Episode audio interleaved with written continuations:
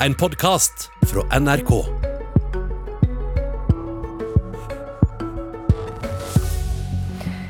De er mindre enn MDG, mindre enn KrF og mindre enn Rødt. Oppslutningen på NRKs supermåling er alt annet enn super for Norges eldste parti. Men i dag starter Venstres landsmøte. Kanskje kan trenden snus med vin i butikk, cannabis på polet og mindre landbruksstøtte. Ja, velkommen Guri Melby. Du er visestatsminister og kunnskapsminister, og nå først og fremst leder i Venstre. God morgen. Du har vært partileder du er i Venstre i et drøyt halvår nå, og så har du vært lokalpolitiker i Oslo, og du har vært lærer, og du skrev mastergrad om Harald Eia og Bård Tufte Johansen.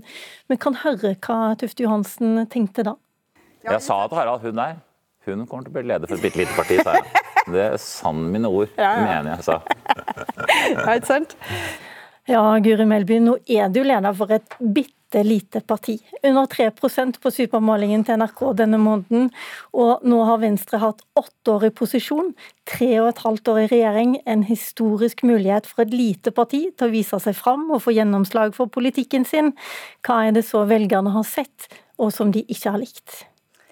Så nå tror jeg vel historien ofte har vist at eh, for mindre partier så kan det være ganske krevende å sitte med makt. Men så har vi også sett den vinteren her at målingene har svingt ganske mye. da, og På forrige NRK-måling var vi vel oppe på 4% Så jeg mener jo at det åpenbart er et potensial for Venstre, men vi har en tøff jobb å gjøre fram mot valget for å få ut det potensialet. Så Det som jeg tror er viktig for oss nå, det er jo selvsagt å få vedtatt et godt program. og Hovedsakene våre det er jo klima, kunnskap og verdiskaping. Men vi skal selvsagt ha debatter om en rekke andre saker også. Men så tror jeg også det er viktig å vise fram for oss hva som er forskjellen, hva som da vil være alternativet. Eh, og det å vise fram hva det faktisk betyr eh, at vi får Venstre over sperregrensa for å sikre en borgerlig regjering, eh, for å ikke tulle med EØS-avtalen, for å skape de nye arbeidsplassene som vi trenger for å komme oss tilbake igjen etter pandemien. Det blir en viktig jobb for meg og for Venstre. Nå viste du fram positive ting som, som, velgerne kan legge merke til, men du svarte ikke på spørsmålet. Hva er det de har sett og som de ikke har likt? For det er jo veldig mange som også har forlatt partiet ditt. Ja, det vi ofte ser på målingene, det er at en del av dem som stemte på oss i 2017, de har satt seg på gjerdet eh, og er litt i tvil. Eh, og jeg syns ikke at det er så overraskende, all den tid vi har hatt noen turbulente år bak oss i Venstre. Så jeg tror at vi trenger å bruke litt tid på å bygge opp igjen den tilliten som velgerne trenger å ha til et parti. Jeg tror det er viktig for velgerne å skjønne at partiet har energi til å løse problemer i Norge og i verden, og ikke internt. Ok. Venstre er nå ute av hele Nord-Norge, Vestlandet og Sørlandet Rød-Grønne, det er du, Abid Raja igjen. Dere er for EU, og det ligger forslag innom å kutte i landbruksstøtten og øke bestanden av ulv, bjørn, gaupe og jerv. Dette er kanskje en krigserklæring mot Senterpartiet, men kanskje også mot klassiske venstrevelgere i distriktene? Så nå er jo alt det her saker vi skal ha debatter om på landsmøtet. Jeg føler meg ganske sikker på at det ikke er noe flertall på, på landsmøtet om å kutte i landbruksstøtta. Venstrefolk er veldig opptatt av at vi skal ha landbruk øh, sånn som i dag, men at vi heller må se på hvordan vi kan vri støtteordninga for å sikre et mer bærekraftig og et mer klimavennlig og miljøvennlig landbruk. Eh, og så er vi opptatt av at vi skal ha en god naturforvaltning og en god rovdyrforvaltning. En rovdyrforvaltning som sikrer at det er mulig å drive eh, beitenæringa de områdene der det eh, skal gjøres, men som også sørger for at vi tar vare på rovdyrene våre. Jeg tror at dette er spørsmål der vi greier å finne en veldig god balanse mellom hensyn til viktige distriktsnæringer, samtidig som vi tar vare på naturen vår. Men nå er det sånn at eh, Venstre ble redda over sperregrensa ved forrige valg, ifølge flere forskere, fordi det var eh, taktiske høyrevelgere som stemte på Venstre. Eh, og Nå leser jeg i VG at eh, dere har fått eh, hjelp av spinndoktorer i Høyre til å få satse på urbane velgere også i valget nå til høsten. Er det riktig? Jeg vet ikke om du skal tro alt du leser i VG. Altså, eh, vår valgkampplan er egentlig ganske enkel. Våre hovedsaker er klima, kunnskap og verdiskaping. Men klarer du deg uten disse vestkantvelgerne som er sterke høyrebastioner, og som stemmer taktisk på Venstre? Det som er litt interessant, er at vi også ofte gjør veldig gode lokalvalg, både på vestkanten i Oslo og i kommuner som Asker og Bærum. Så jeg tror jo at i disse kommunene så bor det mange som eh, liker Venstre, og som støtter Venstre. Men så syns jeg jo heller ikke det er så rart at eh, en del av dem velgerne Så det er overbevisning, ikke taktikk? Altså, jeg, jeg, tror ikke jeg skal svare for hva som er begrunnelser for alle velgere, eh, men det at en del velgere vipper mellom høyre og venstre, synes jeg jo heller ikke er så rart. Det er jo to borgerlige partier som har en god del til felles.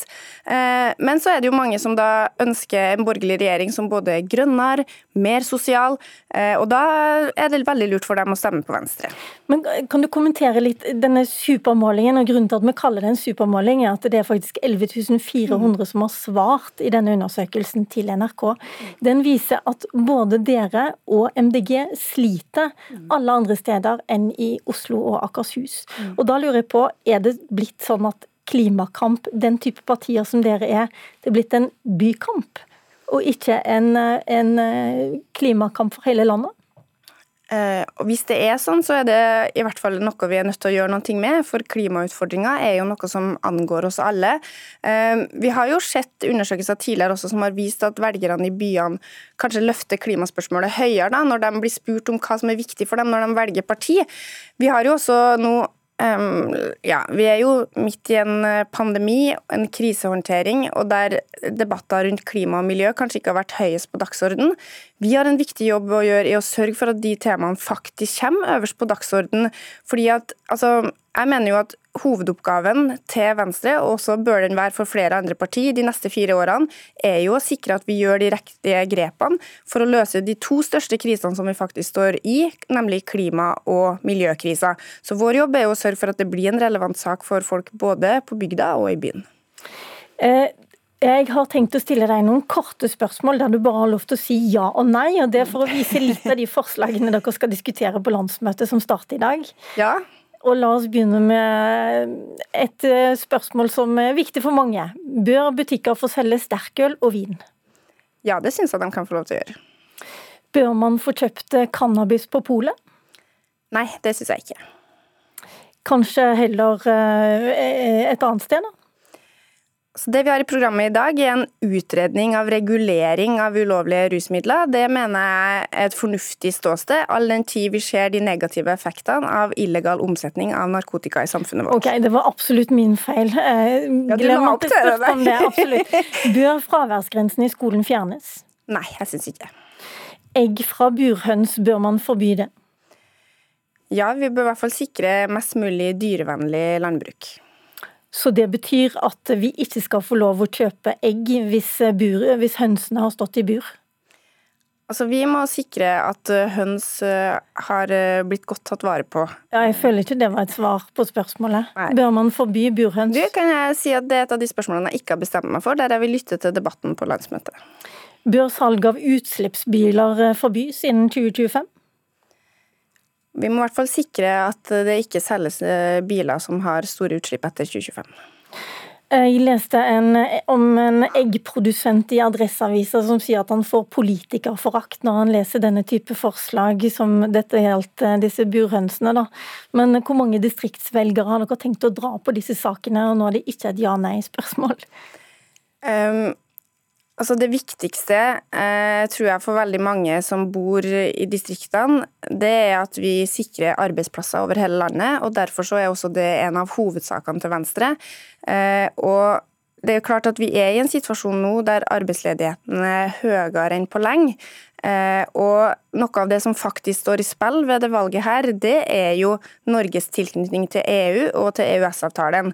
Vi har jo nå ei venstreside der det er flertall for å vrake EØS-avtalen, og der man ved flere anledninger løfter opp at Norge bør bruke sin vetorett. Hver gang jeg snakker med bedrifter, særlig særlig altså eksportretta næringsliv, så er det det aller aller viktigste for dem at vi fortsetter å beholde EØS-avtalen. Venstre er en garantist for det. Vi ønsker også å kjempe for ytterligere integrering i EU. Eh, så det som jeg tror betyr aller mest for folk, det er at vi har et næringsliv, og at vi sikrer verdiskaping over hele landet, og at vi greier på den måten å ta vare på velferden vår. Så ja til EU er distriktssaken til Venstre? Eh, ja til næringsliv over hele landet er distriktssaken til Venstre. Okay. Vi må inn på de siste årets eh, hendelser. Du starta som kunnskapsminister eh, dagen etter at Norge stengte ned. Er du enig med koronakommisjonen i at det gikk for treigt å, gjenåpne skolene i fjor vår? Jeg mener at vi ikke kunne gjort det raskere enn det vi gjorde da. Norge, vi må huske på det at Norge er jo blant de landene i Europa som hadde skolene stengt kortest tid, eh, og som har greid å holde dem åpne det aller, aller meste av tida under en veldig krevende pandemi. Eh, vi fikk jo en klar anbefaling om at det var mulig å åpne skoler. Da hadde vi behov for å utarbeide tydelige smittevernregler, og vi hadde også behov for å sikre sektoren tid til å planlegge og til å forberede seg. Så jeg mener at vi åpna på det tidspunktet det var mulig å åpne skoler og barnehager. Men altså det viktigste for meg i jobben siden den gang har vært å holde skoler og barnehager åpne. Og jeg tror det er litt viktig at vi tar med oss at det ikke er en ting som vi kan ta for gitt. I et land som Danmark så har det vært mye mer stengt enn hos oss, f.eks. Ok, men bare stopp, for de tar det ikke helt for gitt på Majorstua skole, som det står om i Dagsavisen i dag heller. Der står rektoren fram og sier at etter etterpå eh, så har vi en verre pandemi faktisk enn for et år siden. De mangler plass, og de mangler lærere til å ha elevene på skolen, selv om de ifølge smitteverntiltakene kunne ha hatt det. Mm. Ja, og det er den krevende situasjonen som Skole-Norge står i hver eneste dag. Ja, og da kunne kanskje du ha bidratt og hjulpet litt da, til, også, til at de skal få ekstra lokaler f.eks., og penger til flere lærere? Altså, Det har ikke stått på pengene. Vi har overført milliarder til kommunesektoren, og vi har vært veldig tydelige på at de pengene skal også gå til både lærere, flere ansatte i barnehager og til ekstra lokaler. Men så vet jeg at det mange steder er også veldig vanskelig å finne de menneskene som du faktisk trenger. Det er en av de største begrensningene vi har i ressurser, det er jo faktisk mennesker og det å skaffe nok vikarer. Eh, vi har vært veldig tydelige på at staten stiller opp med penger. Eh, veldig mange kommuner har gjort en kjempejobb i å sikre et best mulig tilbud i en veldig vanskelig tid, men vi skal huske på at vi, altså, vi er midt i en pandemi. Det er ingen tvil om at vi ikke har greid å løse alt optimalt, så der òg er jo nå den viktigste jobben å se framover, og hva vi kan gjøre for å kompensere for tapt læring for tusenvis av barn. Men altså, Du vet og har visst ganske lenge nå at vold i hjemmet eksploderte eh, mens skolene stengte. At barn og unge ringte hjelpetelefoner som de aldri hadde gjort før. Og nå vet vi også at én av fire som er henvist til psykolog, blir avvist fordi det ikke finnes kapasitet. Kan det hende at voksnes koronafrykt har vært mer styrende enn hensynet til disse sårbare barn og unge? Altså hvis voksnes koronafrykt hadde fått bestemme, så hadde vi jo ikke åpna skolene i april i fjor.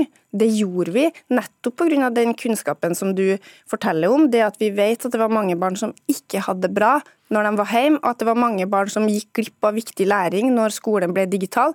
Det var hovedgrunnen til at vi åpna skolen, på tross av at vi har stått midt i en pandemi. Vet du hvor mange smitta det var på ei uke, første uka i mai, da dere vurderte å åpne fra femte klasse og opp ut videregående? Det tallet husker jeg dessverre ikke. Det var 122 på over hele landet eh, på ei uke. Det er like mange som eh, det er på en god dag i Oslo i dag. Var det virkelig nødvendig å fortsette å, å eh, åpne så sakte som dere gjorde? Altså, vi åpna for barnetrinnet i slutten av april. Eh, og eh, da hadde vi såpass strenge smitteverntiltak fordi vi var veldig usikre på hva effekten av åpne skoler skulle være. Du, du snakker mye om, om, slutten av april, men eh, for, for, disse som gikk på ungdomsskole og videregående skole, så vet man jo at noen av de var knapt tilbake på skolen før semesteret var over. Altså, vi åpna for de minste i slutten av april, og så kom eh, de eldre elevene etter hvert. Vi åpna også for yrkesfagelevene i slutten av april. Men det er ingen tvil om at det var mange som var lite på skolen i vårsemesteret i fjor, eh, og at det var veldig krevende. Men heldigvis så har vi også fått ganske mange rapporter som viste at eh, den perioden var ikke det som gikk hardest utover læringsutbytte. Jeg må si at jeg er mye mer bekymra for hva altså, um, fra oktober-november i fjor, da smittetallene økte igjen, vi har fått mutert variant, hva den perioden har gjort for veldig mange barn og unge. Så det viktigste for oss nå er å sørge for at vi setter inn ressurser som gjør at både barn i barneskolen og de eldre elevene får en tettere oppfølging, sånn at de har en mulighet til å ta igjen tapt progresjon. Det er det viktigste vi kan gjøre. Tusen takk, Guri Melby. Du høres ut som om du har en stor jobb foran deg, både som kunnskapsminister og som leder i Venstre. Vår politiske kommentator Magnus Takvam har sittet og hørt på deg. Han kan du høre rett over klokken åtte i NRK1, P2 og Alltid nyheter. Og så kan jeg si lykke til med landsmøtet, som NRK selvfølgelig skal følge. Audun Lysbakken er på talerstolen i SV klokken 12.30, mens du skal på talerstolen klokken 14. Mitt navn Lilla Sølhusvik. Du har hørt en podkast fra NRK. Hør flere podkaster og din favorittkanal i appen NRK Radio.